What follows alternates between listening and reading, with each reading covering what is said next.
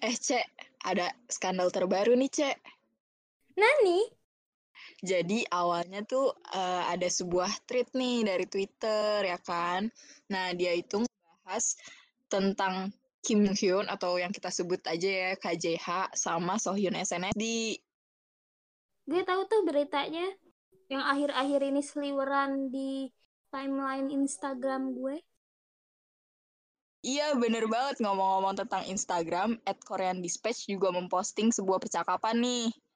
Uh, jadi dia memberitahukan tentang aktris cantik Soyeji yang memanipulasi si KJH ini. Gua kaget sih kalau ternyata Soyeji itu mantannya KJH. Jadi katanya diisi percakapannya itu si SYJ ini nih merintahin KJH buat nggak ngelakuin skinship atau kontak langsung dengan pemeran wanita lain. Udah gitu dia juga menuntut staffnya buat ngeganti naskah gitu loh, yang tadinya unsurnya romance, tapi karena Soyejinya ngelarang, jadi KJH-nya ikut ngelarang. Oh iya, gak cuma di dramanya, tapi di press conference-nya juga. Jadi KJH tuh gak kelihatan bahagia terus dia juga kayak nggak mau deket-deket sama Sohyun. Iya kan? Lu udah nonton belum sih? Gue nonton sih. Kayak kelihatan jijik banget gitu si KJH-nya iya bener. Bayangin aja ya si, si Sohyunnya tuh. Si Sohyunnya kelihatan bahagia. Terus dia tuh pengen menempel KJH tapi tuh KJH-nya kayak bertolak belakang. Iya padahal mukanya mukanya Sohyun tuh kayak malaikat banget gak sih dia tuh kayak udah cantik gitu kan dia ke ke media tuh dia senyum hmm, iya bener, tapi bener. ternyata dikasarin gitu loh nggak dikasarin sih maksudnya uh, apa ya kayak ditolak mentah-mentah gitu ya gandengan dari si Sohyunnya ini. Uh, terus nih uh, ada cuplikan video dari live YouTube. Seorang reporter bernama Kim Yong Ho yang membeberkan sisi lain SCJ dalam YouTube pribadinya 9 bulan yang lalu. Udah nonton belum lo? Udah, gue udah nonton. Itu parah banget sih, itu plot twist banget ya. Maksudnya tuh gak nyangka aja gitu. Ternyata SCJ karakter attitude-nya tuh ya kayak gitulah. Oh ya, gue inget banget si reporter Kim Yong Ho ini nih bilang kalau karakter Soyeji itu mendominasi dan selalu ingin diperlakukan seperti ratu. Terus dia juga bilang karakter Soyeji sama persis kayak karakter Komunyong dalam drama It's Okay to Not Be Okay. Hmm, kayak ini sutradaranya ini kayak gimana ya? Kayak tahu hmm, kayak bisa melihat gitu asli Soyeji. Kayak cenayang gitu ya. Ya gitulah, bisa tahu bener karakter asli Soyeji sama karakter Komunyong tuh pas. Oh iya yang lebih mengejutkan lagi nih ya. Iya. Yeah. uh, si reporter itu nyebutin tiga nama yang sempat berpacaran dengan SYJ siapa aja tuh? Yang pertama Yunho TVXQ terus KJH terus saudara sepupunya Kim So Hyun alias CEO Gold Medalist Mr. Lee. Wah, gila parah sih. Gue kaget banget sumpah di situ. Wow, ternyata ini orang cewek ini wow, gimana ya? Wow, gitu. wow. Wow, wow banget emang si Soy. Terus nih uh, katanya nih ya sebelum berpacaran sama sepupunya Kim So Hyun awalnya dia sempat berpacaran sama Kim So Hyun. Mm-hmm. Nah terus abis putus dari Kim So Hyun nih, ya inilah berpacaran sama sepupunya ini. Wah parah banget sih. Abis ngegebet So Hyun, langsung lari ke sepupunya gitu ya. Iya, gila banget kan ya. Wow, wow, wow. Terus katanya ya, si KJH waktu pacaran sama Soyeji ini nih, SYJ, tuh bucin banget, bucin parah, kan. Sampai pas setelah putusnya tuh dia sempat pengen bunuh diri gitu loh karena tergila-gila sama si SYJ oh, gitu kan. gitu. Beneran? Gue kira tuh dia pengen bunuh diri karena gak kuat sama ketoksikannya SYJ. Gue kira kayak gitu. Ya nggak tahu juga sih, soalnya dari agensinya juga belum buka belum buka suara gitu kan, jadi kita nggak tahu kebenarannya.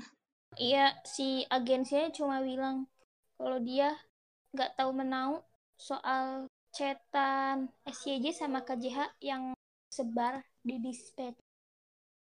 Iya, akibat skandal kontroversial ini nih, SYJ tuh ngebatalin kehadirannya dalam pemutaran film yang ia bintangin. Judulnya itu Recall yang tadinya diselenggarain di Lotte Cinema di lingkungan Universitas Konkuk Seoul pada tanggal 13 April 2021. Gitu. Oh iya, terus selain itu dia uh, SYJ itu digait buat main jadi female lead di drama baru OCN berjudul Fantasy Island. Nah, terus gara-gara berita ini nih, SYJ memundurkan diri. Wah, padahal gue menanti banget nih drama ini. Ada Ah Jusi gue. Siapa tuh? Kim Namgil. Terus ada ada Opa Unwo. Wow. Hahaha kalau menurut teori gue dari apa yang dikatakan reporter Kim Yeon Ho, kalau KJH ini nih bucin banget pas dia lagi ngebintangin drama time. Jadi dia terpengaruh oleh perkataan dan perintahnya si SYJ ini. Mm-mm.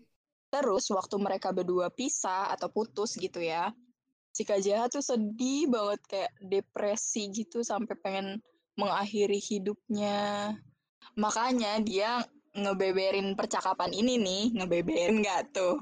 Membeberkan, membeberkan percakapan ini buat ngancem SYJ demi kembalinya hubungan mereka berdua gitu guys. Kalau menurut teori gue, kalau lo sendiri ada teori nggak nih cek? Uh, kalau menurut gue, sebelum dispatch mengupload chatan KJH sama SCJ pada tahun 2018 itu mm -hmm. ada rumor kalau Song Ji Hye sama KJH ini pacaran yang main koi bareng. Nah, menurut gue buat mengubur rumor itu, mm -hmm. KJH membeberkan chat itu Iya, sekalian juga nih kalau menurut gue biar SCJ ini disalahin. Bikin skandal gitu ya. Iya kan karena si SCJ ini kan memanipulasi KJH. Pernah memanu memanipulasi KJH. Hmm.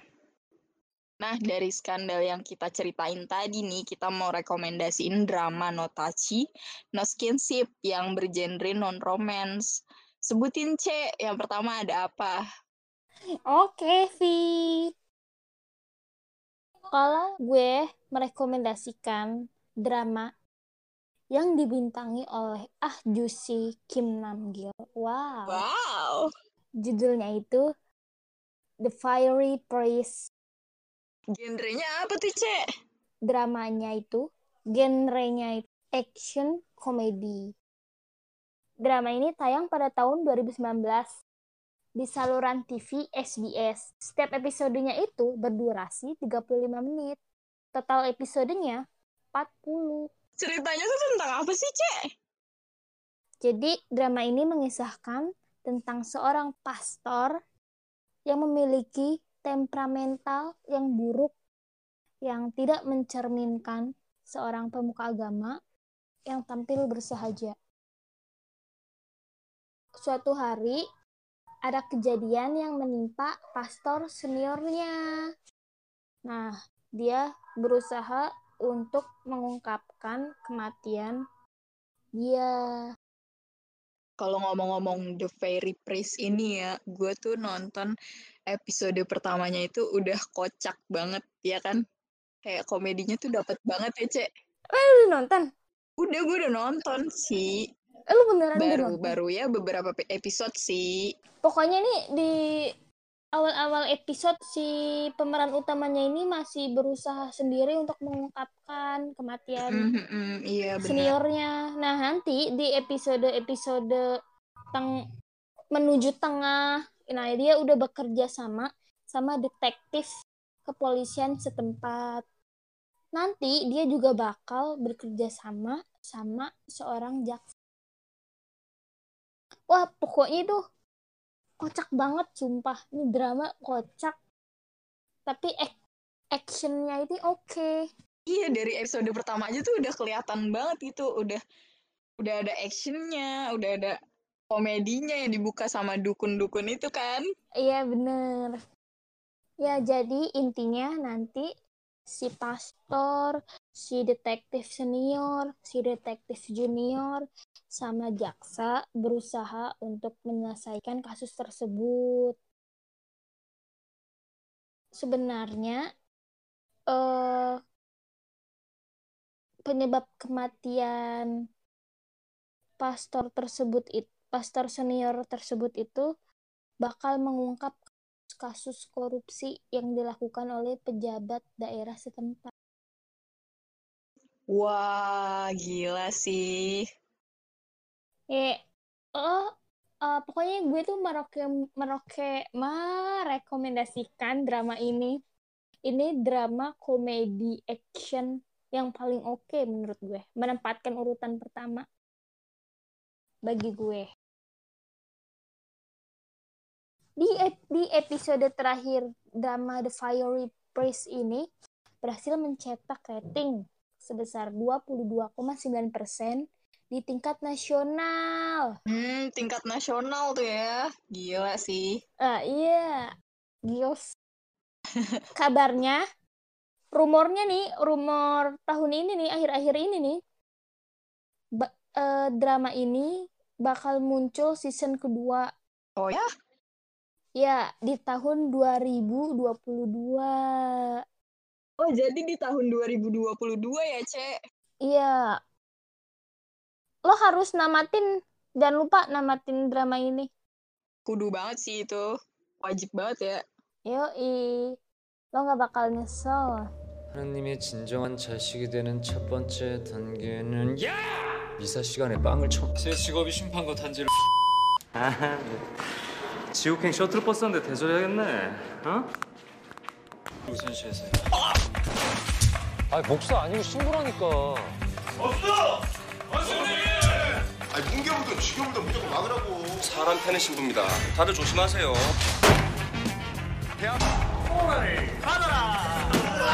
뭐세요? 화장실 찾기가 이렇게 어려워서. 너, 너 비켜! 대한민국 검찰의 민낯입니다. 가오 잡고 싶으면 딴 데 가서 가오 잡아 양반님.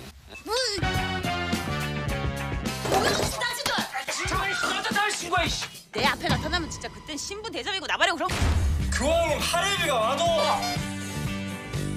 농담이라도 교황님은 입이 올리지 말지 불경스럽게. 교황님 교황님 교황님 교황님 도와주세요 교황님 이런 스타일은 내 족상 너무 안 맞아.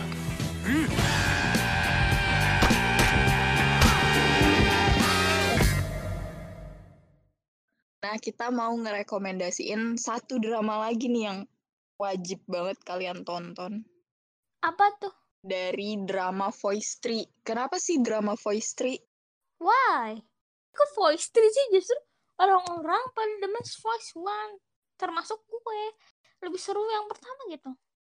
Kalau gue suka banget nih sama Voice 3, nggak tahu kenapa. Jadi dia tuh genrenya kan thriller action.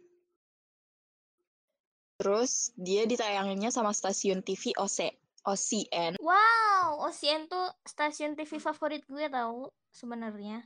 Masa sih? Iya. Serius deh gue. Pada Mei 2019 lalu. Nggak, dua tahun lalu. Jadi berceritakan tentang anggota kepolisian yang sering disebut sebagai tim Golden Time Center yang dikepalai oleh Kang Kwon Jo dan ketua tim lapangan Do Kang Woo. Nah, kalau yang di season pertamanya itu kan bukan Do Kang Woo kan ya, Cek? Iya. Gua lupa tuh namanya siapa tuh. Nah, jadi kenapa, Cek, kalau lu suka yang voice one? Ya, Voice One lebih seru menurut gua sih. Tentang menangkap pembunuh berantai. Lebih seru dah. Menurut gua. Lebih ada actionnya ya? Iya, ceritanya lebih oke. Ceritanya lebih oke yang pertama.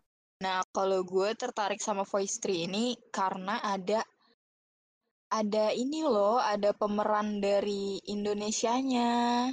Oh, iya iya tahu yang yang ngomongnya itu gini. Setan, ada setan-setannya gitu kan. Iya, iya banget, bener, bener, bener.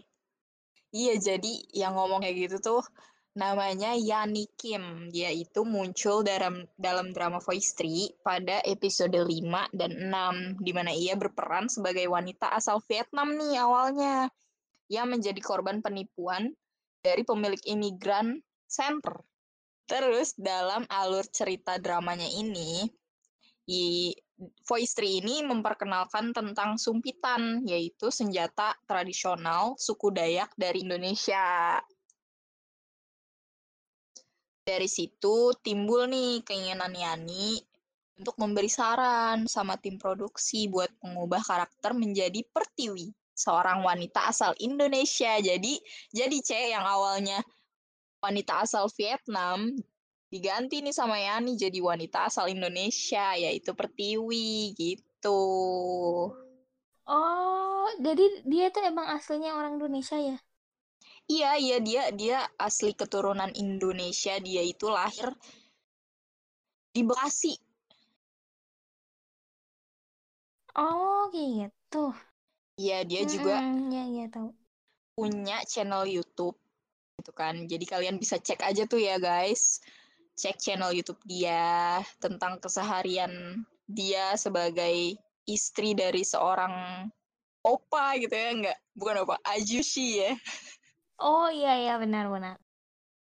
Jadi kalian harus banget nih nonton Voice 3. Kenapa sih gue ngerekomendasiin Voice 3? Karena kalian harus nonton Voice Voice yang sebelumnya gitu. Jadi kalian nonton Voice 1, Voice 2, baru deh Voice 3 gitu guys. Mm, Iya. Ya, eh, series ini re- rekomendasi banget sih buat yang suka genre thriller gitu loh. Mhm. Detektif investigasi. Ini s- rekomen rekomen banget, recommended banget. banget banget. Pada 11 Februari kemarin, stasiun TV OCN merilis jajaran drama yang akan rilis yang akan dirilis di tahun 2021. Salah satunya itu drama Voice 4. Oh my god. Ya, gue juga excited banget nih. For your information, pemerannya ini, pemeran detektif ceweknya ini masih sama, cuman Mm-mm. eh pemeran detektif cowoknya ini Song Sung Hon nggak salah. Song Sung Hon. Berarti udah bukan Lee Jin Wook lagi ya, Cek? Wow, cakep banget ya Juicy ini. Kayak bakal oke juga nih drama.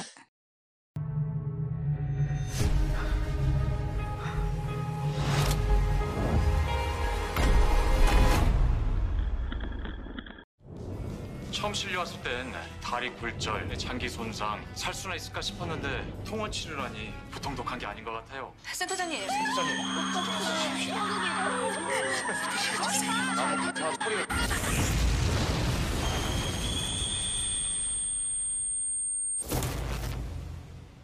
기간은 한 달, 팀원은 전과동. 그리고 사건 끝나면 미련 없이 떠난다. 돌아온 걸 환영합니다. 팀장님. 여기는 줄셋. 문 닫힌 창고가 하나 있는데 진입하겠습니다. 폭력이나 살인 등 강력 전과를 가진 범죄자만 직원으로 채용. 야쿠자와 상당 부분 유사성을 보이고 있습니다. 이제 시작이에요. 놈들한테 보란 듯이 반격을 가할 거예요. 내가 본 일에 가장 추악하고 더러운 범죄 카르텔이야. 선대장님, 세영이 제 사촌 동생이에요. 이 집이 확실한데 시간이 부족해요. 어떡하죠? 뭘 어떻게? 저 새끼 잡아야지. 네 안에 그거 늦출 순 있어도 멈추지 못해. 도강원은 수사를 위해 일본으로 간 게 아니야. 살인자가 되기 위해 간 거지. 도강호 형사님, 네 충동을 누르는 게 힘들 텐데. 그냥 마음대로 해요. 사람이 완전히 다른 사람 같아요. 도 팀장님 진짜로 죽여라. 눈이 무슨 귀신의 시인 사람 같더라니까. 와야 맨가 진짜 정신 차리소. 돌아왔네. 코스케.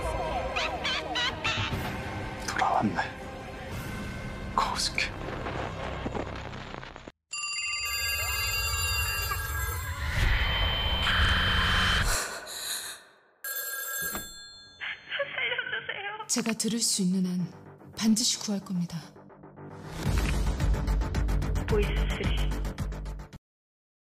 Jadi kalian harus banget nonton Voice 1, 2, dan 3. Dan yang terbaru kalian harus tungguin Voice 4 di stasiun TV OCN. Gitu ya, Cek? Yo, Ivy. Harus nonton ya, guys. Kalian jangan lupa nonton The Fiery Burst juga. Oke banget tuh. Mm-mm, jangan lupa Fairy Priest juga. Oke deh, guys. Segitu dulu kali ya rekomendasi dari kita. Terus kita juga udah bacain skandal yang tadi, ya kan? Iya, benar-benar. Nah, drama yang tadi kita rekomendasiin kalian harus banget nonton. Dan itu worth to watch banget ya, Cek. Iyalah. eh pokoknya see you next podcast. See you episode 2. See you podcast selanjutnya. Jangan lupa buat dengerin kita di episode-episode selanjutnya. Sampai jumpa lagi. Dan nantikan kita di podcast, Podcast drama, drama banget, banget, podcastnya podcastnya pecinta pecinta drama. drama. Yeay, bye-bye guys. Yuk dengerin podcast drama banget. Dengan episode-episode menarik terkait drama series Asia yang cuma ada di sini. Dijamin bakal seru deh guys.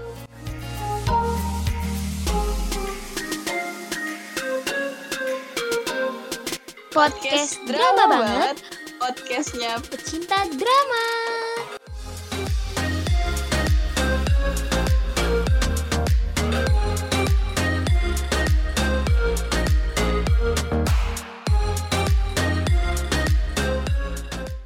Sumpah, sensasi dramanya tuh dapet banget.